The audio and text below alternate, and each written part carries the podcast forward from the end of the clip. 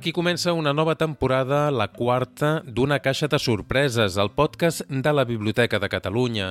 Aquest que ara comencem és el capítol número 55 d'aquest espai que té com a objectiu principal fer-vos conèixer la riquesa patrimonial que conservem a la Biblioteca de Catalunya, així com les activitats que promovem i el nostre funcionament. Aquesta vegada et volem parlar de Catalònica, una iniciativa molt important promoguda per la mateixa biblioteca, Potser no n'has sentit a parlar fins ara, però segurament et deu sonar europeana. Doncs imagina't europeana en clau catalana. De tot plegat en parlarem al llarg d'aquest podcast amb l'Eugènia Serra, la directora de la Biblioteca de Catalunya, i també amb Marta Riera, tècnica de l'àrea de direcció.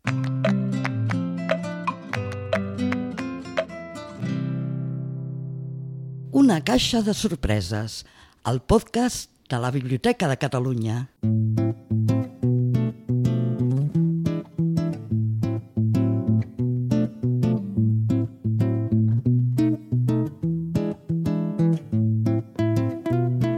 Aquest capítol d'una caixa de sorpreses, com et deia, el dediquem a Catalònica.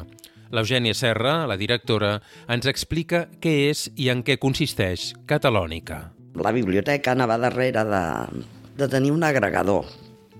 Un agregador digital, però en bona mesura era també per la participació que ha tingut la Biblioteca de Catalunya Europeana des de l'inici.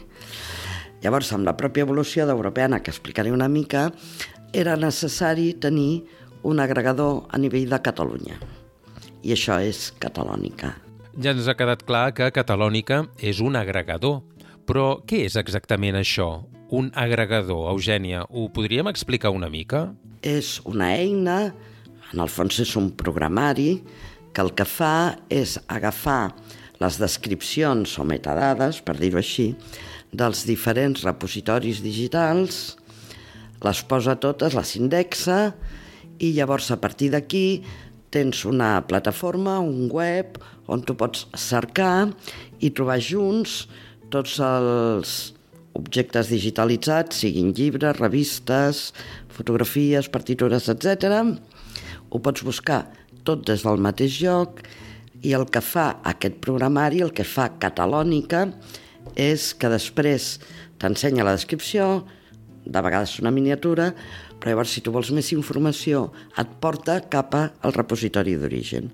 Això contribueix a fer visible no només el patrimoni de Catalunya, sinó la feina que s'estan fent des de diferents institucions i entitats per posar el patrimoni eh, accés a tothom, d'accés públic.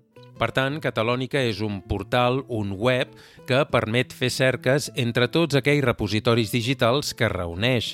Podríem dir, Eugènia, que d'alguna manera Catalònica és l'europeana catalana? Sí, és l'europeana catalana. I la portàvem perseguint, diguéssim, almenys la biblioteca des de fa molts anys. Mm.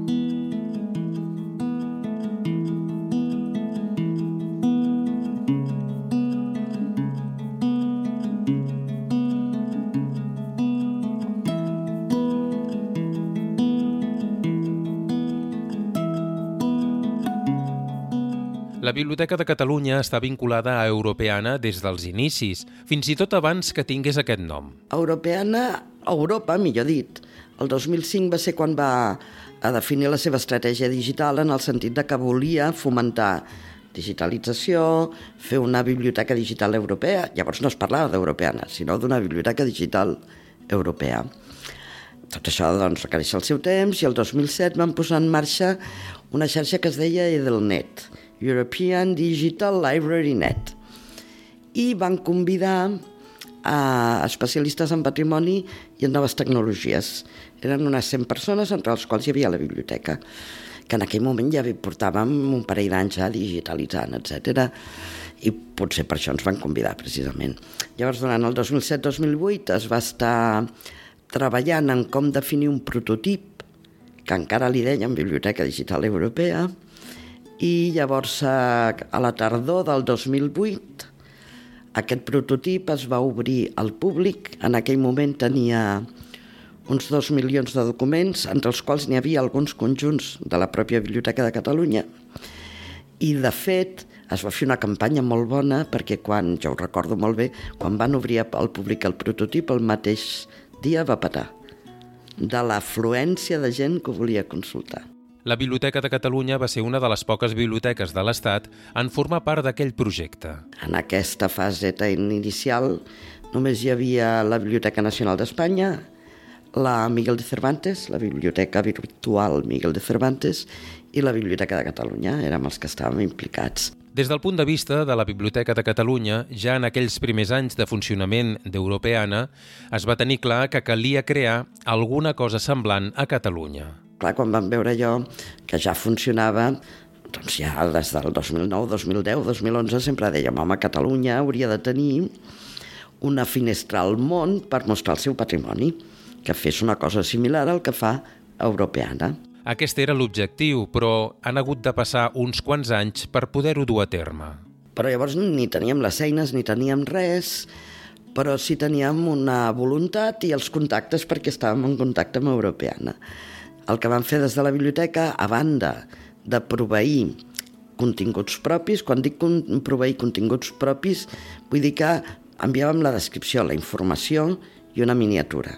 No enviàvem tota la digitalització d'un llibre o d'un altre tipus de material. A banda de proveir de la pròpia col·lecció de la biblioteca, vam començar a fer d'intermediaris d'altres repositoris o institucions de Catalunya. I vam anar fent aquesta feina d'intermediació durant molts anys. Val a dir que Europeana també va anar variant els estàndards, la manera de treballar, cada vegada era més complexa i cada vegada tenia més requisits. Però bé, vam estar molts anys que vam estar treballant així. Posteriorment van aparèixer agregadors de caràcter sobretot temàtics o nacionals que feien la feina a casa seva, com si diguéssim, i després Europeana agafava d'aquests agregadors les dades per fer la Biblioteca Digital Europea, que ja es deia Europeana llavors.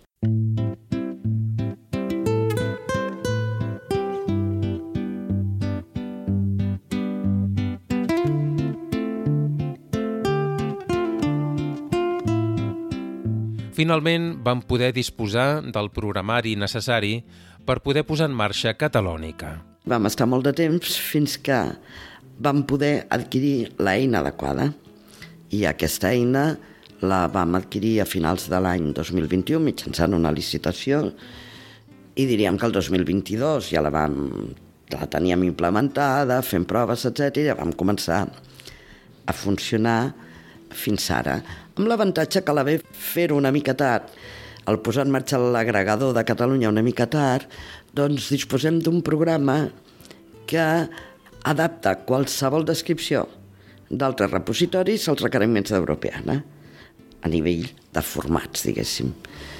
I, per tant, amb això tenim avantatge respecte a altres agregadors més antics o que en aquell moment en el mercat a lo millor això no existia. Un cop teníem l'eina, calia posar-li un nom. Clar, havia de ser un nom prou significatiu per identificar-nos i resulta que Catalònica és el nom de, en l'àmbit científic, quan hi ha una espècie que és de Catalunya, es diu Catalònica. I d'aquí va venir a l'agafar aquest nom, que era una barreja entre el català, l'anglès, i a més amb una base científica, per tant, ens anava molt bé.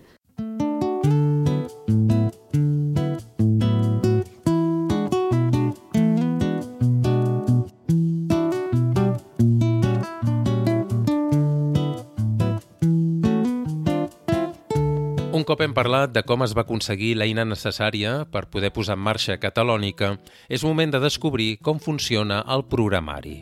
El programari és un programari comercial, vinculat normalment a, a gestió de repositoris i així, però que en aquest cas fa aquesta tasca d'agregador. Que l'agregador, en el nostre cas, en el de Catalònica i en el d'aquest programari comercial, el que fa és per una banda, pot capturar d'altres repositoris les dades i per una altra pot servir a altres repositoris les dades. Té la doble funció. Cal dir que un cop adquirit el programari es van haver d'adaptar en aquest alguns dels requisits que demanava Europeana i que no estaven inclosos inicialment. Perquè un dels objectius de la Biblioteca de Catalunya era que qualsevol institució del nostre país pogués no només proveir catalònica, sinó també europeana, que té unes directrius molt concretes. El pas següent va ser contactar amb les diferents institucions perquè formessin part de Catalònica. Vam desenvolupar un formulari, vam fer una llista de repositoris als quals ens havíem d'adreçar, per explicar-los el projecte.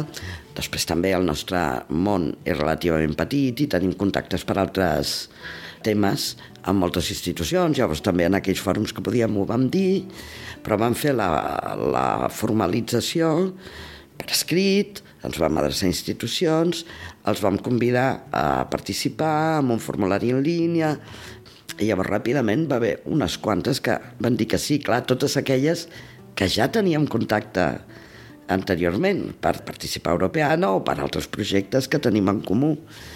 I llavors doncs, va ser començar a capturar una per una. El procés d'agregació dels fons digitalitzats d'una institució per part de Catalònica demana una supervisió. No és un procés automàtic. Té una part automàtica, però requereix de molt contacte amb els proveïdors i amb Europeana, amb els dos. Tot i que Catalònica té uns requisits més laxes i, per tant, en general, per aparèixer en catalònica és més senzill. El problema ve més aviat, quan ja hem d'anar cap a europeana.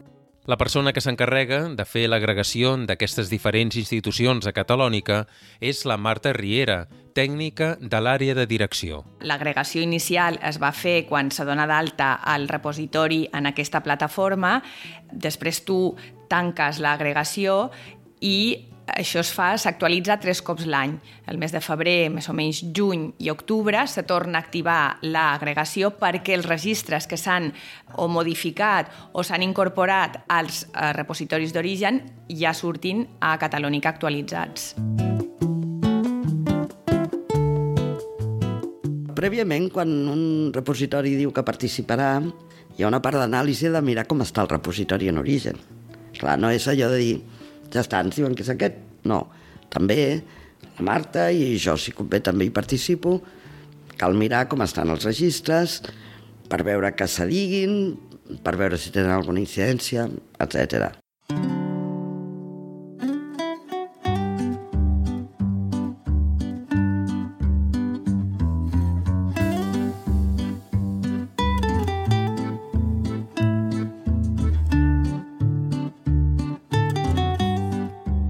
Arribats a aquest punt, potser et deus estar preguntant com es té en compte que els continguts que s'ofereixen a través de Catalònica i també d'Europeana siguin d'accés públic, és a dir, que no vulnerin drets de propietat intel·lectual. Per participar en Europeana s'ha de signar un acord de col·laboració. I en aquest acord de col·laboració que explica el que es pot fer a les metadades, perquè al final són les metadades, són les descripcions, no són els subjectes, en aquest acord ja diu que d'alguna manera els agregadors som responsables de que allò que enviem tingui drets eh, resolts, per dir-ho així. De fet, tu en els registres indiques quins són els drets a través de llicències Creative Commons o de llicències de les que utilitza Europeana. Per tant, el tema drets és una qüestió que Europeana mm, és un tema que els hi ha d'arribar resolt.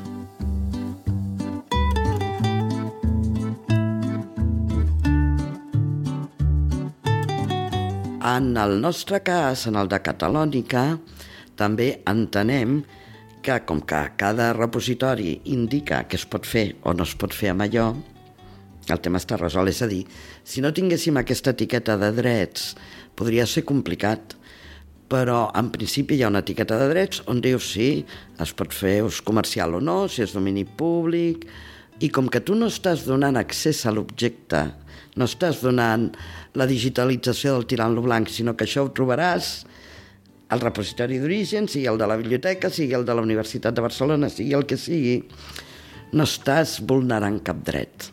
Per formar part de Catalònica, és a dir, perquè els objectes digitals d'una determinada institució puguin ser agregats en aquest web, cal complir un requisit, una norma imprescindible. Perquè realment Catalònica pugui agregar aquests objectes digitals, els objectes digitals d'origen han de complir una norma, que és la norma OAI, que és una norma d'intercanvi de dades. Pot ser que hi hagi un repositori amb objectes eh, digitalitzats i que no compleixi aquesta norma. Per tant, Catalònica no podrà agregar aquests objectes digitals.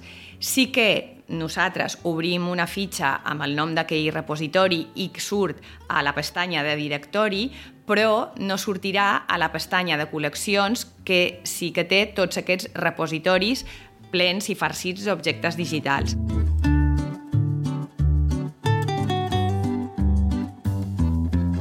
Tenim 35 repositoris amb dades agregades i amb l'apartat de directori hi ha 41 col·leccions, o sigui, hi ha 6 col·leccions digitals que apareixerien a Catalònica però no tenen el repositori agregat. Jo què sé, col·leccions, per exemple, com les de l'Orfeo Català o la Biblioteca de Montserrat o les de l'Ardiaca no estan els objectes agregats. Aquestes institucions tenen els objectes digitalitzats en el seu propi repositori digital, però com que no compleixen la norma, no els podem consultar a través del web de Catalònica. En el moment que aquests programaris que gestionen aquests repositoris compleixin aquesta normativa, que cada vegada són més, perquè els programaris comercials ja ho compleixen. Fa anys no, però ara sí. Per tant, immediatament es poden incorporar a Catalònica. El problema en realitat és que aquest estàndard és un estàndard específic d'intercanvi de dades i, per tant, si no, no hi ha una altra manera de capturar i indexar les dades de forma automàtica i per això no ho podem incorporar i ens agradaria i nosaltres encoratgem a tothom a qui intenti adaptar-se als estàndards internacionals perquè no és un estàndard propi nostre, no, no, és l'estàndard internacional de fet.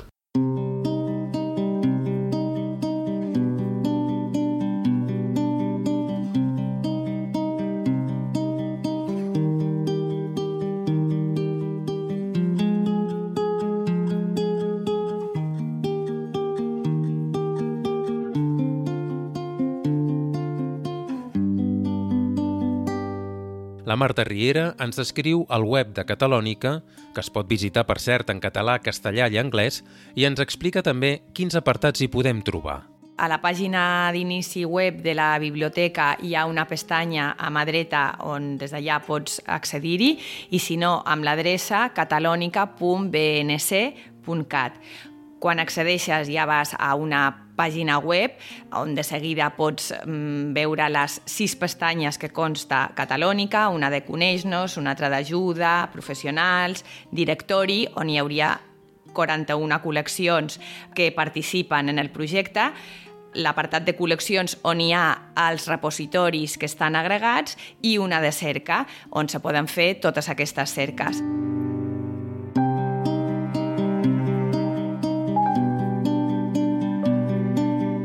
Algú que vulgui buscar sobre Ramon Llull, per exemple. Clar, tu vas a Catalònica, busques Ramon Llull, et sortiran els registres que es troben a la memòria digital de Catalunya, que ja n'hi ha força de col·leccions. Et sortiran els registres que es troben a Regira, que és el repositori de Girona. Et sortiran els que estan a Bipadi, que és la biblioteca digital de la Universitat de Barcelona de Patrimoni i et sortiran els registres que pugui haver, la referència als registres que pugui haver a la resta de fins a 35 repositoris que tenim indexats. És a dir, per mi, Catalònica és per descobrir. És a dir, tu vols buscar sobre un tema, vols buscar què hi ha, i és perfecte perquè et permet, amb una sola cerca, acostar-te a tots aquests repositoris.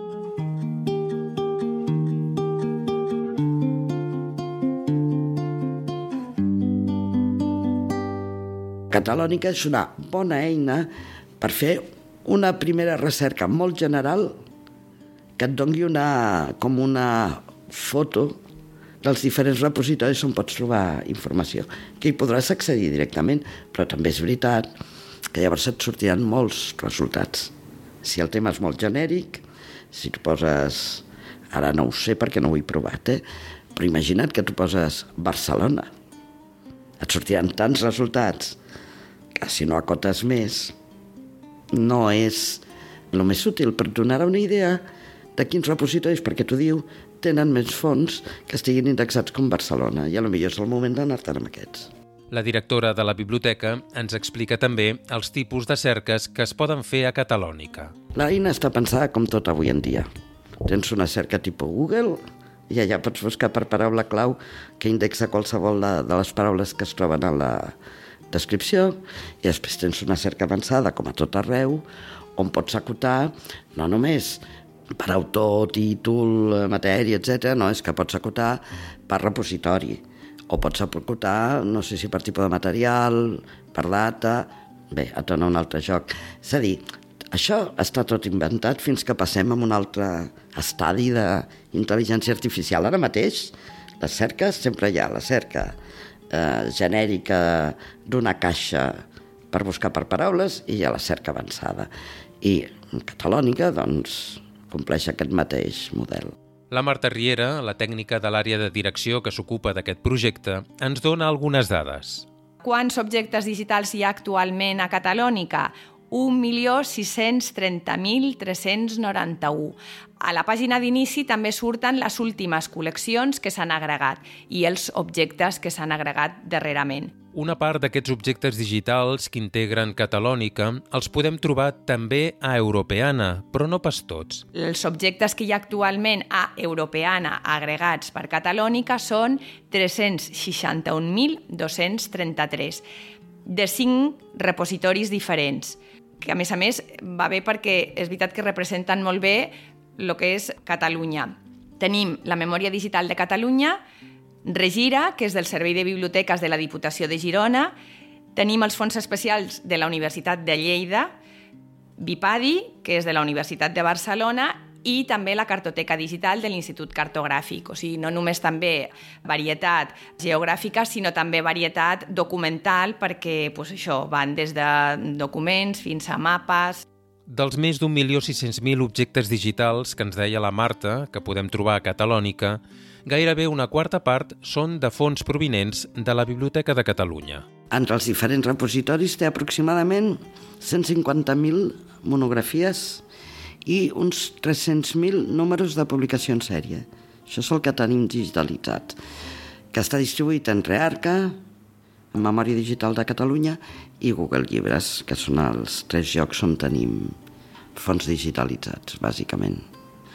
A Catalònica haurien de ser més o menys tant els 300.000 números de publicació en sèrie, sí, més unes 80.000 monografies, perquè hi ha una part que està a Google Llibres però no està a Catalònica.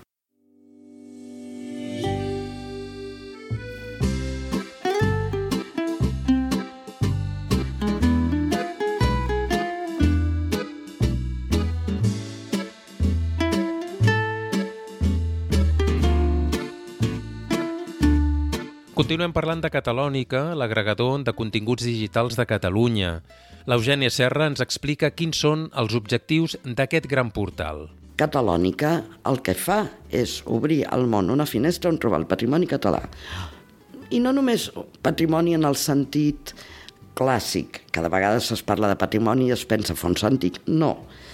El patrimoni, el coneixement que genera Catalunya, a Catalònica, doncs hi ha, per exemple, els repositoris de moltes universitats, si no de totes, que vol dir que hi ha els seus fons especials, però també hi ha el fons modern que generen. Hi ha articles, hi ha tota una sèrie de materials que també són útils per la recerca.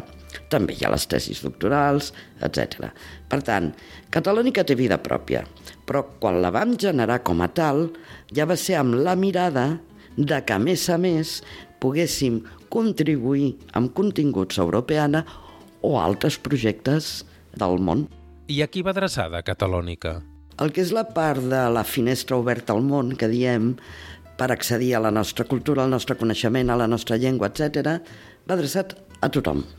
Això és absolutament una eina per descobrir. Perquè vas per la xarxa, navegues, trobes Catalònica i descobreixes. Però és una eina per posar en valor també tota la feina que s'està fent des de Catalunya, des d'institucions públiques, privades, acadèmiques, culturals, patrimonials, etc. Com es deia l'Eugènia, Catalònica és una eina per descobrir, per descobrir i també per fer un reconeixement i aglutinar diverses institucions culturals i patrimonials del nostre país que han digitalitzat i segueixen digitalitzant els seus fons. Des de l'inici la idea era també fomentar la relació entre els diferents àmbits del patrimoni que ara no, però el 2005 potser sí que estaven una mica separats, com museus, biblioteques, arxius i galeries. Això se li deia GLAM, en anglès Galleries, Libraries, Archives and Museums. Llavors també era una mica això, el fer treballar en conjunt a tot el tipus d'entitat cultural, d'institució, etc, que de vegades treballaven molt sectoritzats. Per tant, en aquest cas, té el valor d'eina de descobriment i el valor d'eina de reconeixement pels qui participen.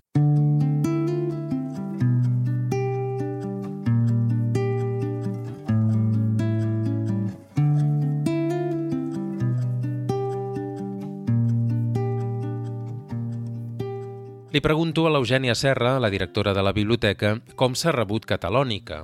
Europeana, diguéssim, estan encantats perquè érem l'únic cas, no sé si l'únic però gairebé, que ens estaven mantenint aquest paper d'interlocutor quan ja tota la resta pues, eren més aviat agregadors, tecnològicament parlant, però nosaltres, entenc jo que per aquesta diferència de que estàvem des de l'inici, ens mantenien una mica un tracte, entre cometes, especial. Llavors, esclar, en el moment que ja vam poder implementar una eina que tots ens facilitava molt les coses, a Europeana van estar encantats. A nivell de les institucions i entitats de Catalunya, també, perquè és un tema que parlem molt. És a dir, aquestes coses no són senzilles. És llarg, s'hi ha de treballar, tothom s'hi ha de posar. No són senzilles. Tampoc és allò de dir hem implementat un programari i ja ho farà tot. No.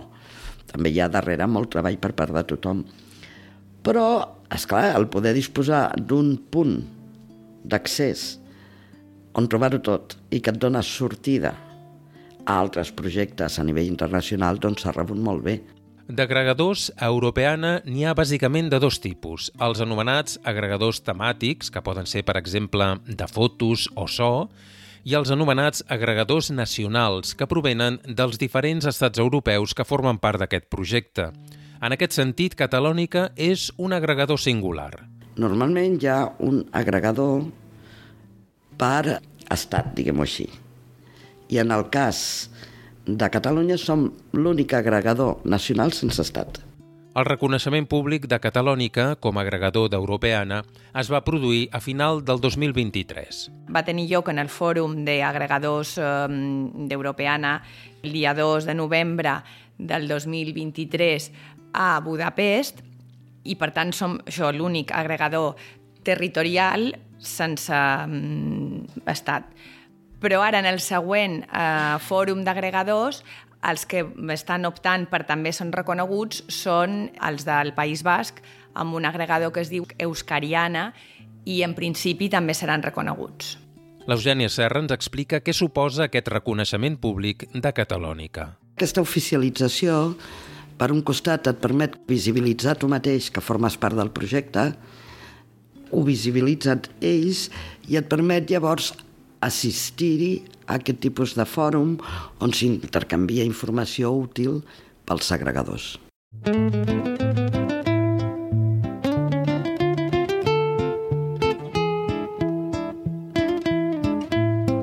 Li pregunto a la directora de la Biblioteca de Catalunya si el món acadèmic ja coneix l'existència de Catalònica. Jo no tinc retorn. El que sí que sé és que, per exemple, en els blocs de les universitats sí que han anunciat en el seu moment que això és una eina que existeix. Una altra cosa són els hàbits de consum de cadascú, perquè les comunitats acotades tenen tendència a utilitzar les eines pròpies. Això de natural, eh? Vull dir, per tant, hi haurà de tot. Hi haurà qui dirà, no, doncs mira, jo vaig a provar aquí a veure què trobo i així trobo amb altres repositoris, o hi haurà el que pensarà que amb a les eines que té en la seva pròpia comunitat acadèmica en té prou. També és una qüestió de temps.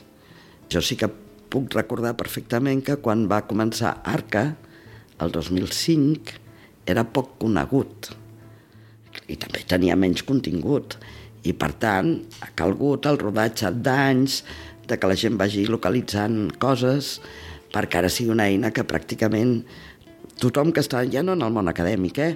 en el món professional, en el món associatiu, en qualsevol àmbit, la conegui. Doncs també és una qüestió de rodatge.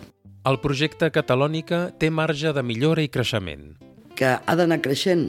Sí, creixent perquè els mateixos repositoris creixen i per tant nosaltres hem d'anar creixent, reindexant els seus continguts.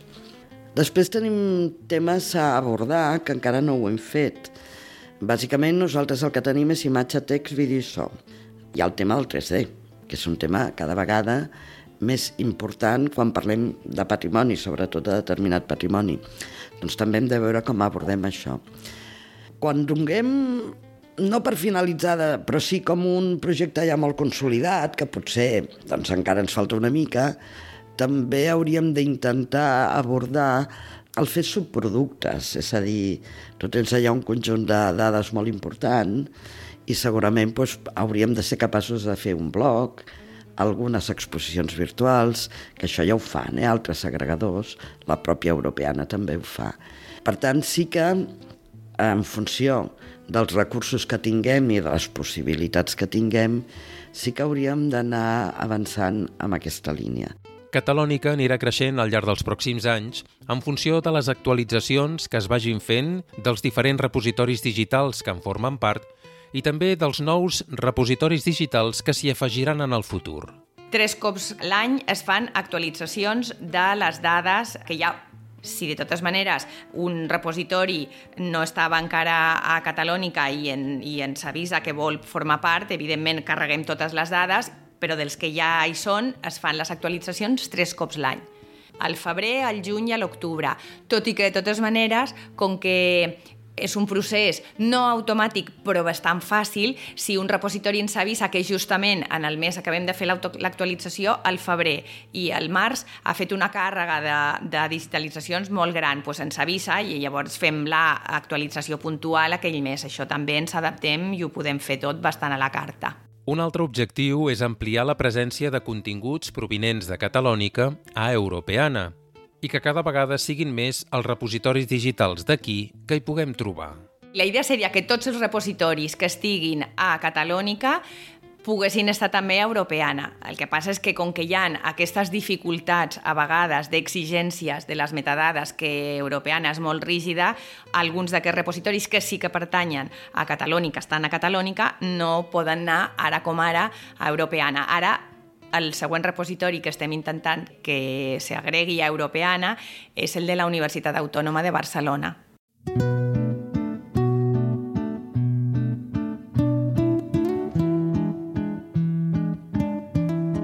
Catalònica poden descobrir que hi ha inconables de diferents institucions que estan, els de la Biblioteca de Catalunya, fets tots, però d'altres institucions com la Víctor Balaguer, no sé si el Centre Lector de Reus, etc, perquè estan en aquests repositoris que estem recollint a Catalònica.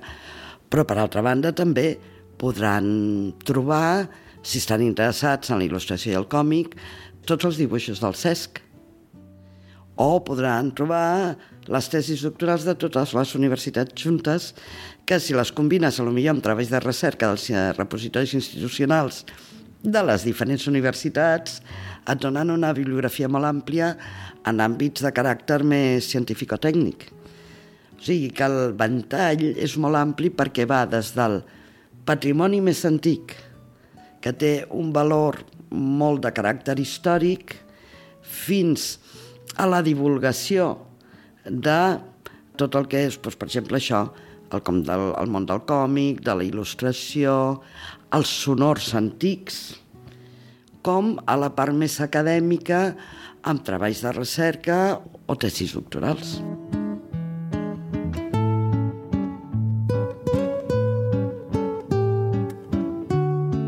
no és com un catàleg de biblioteca que te dona només les dades, és que tu tot el que trobis allà podràs veure el document original i per tant el podràs llegir directament o veure en el cas de si és un objecte i no és un llibre o escoltar o veure si és un vídeo.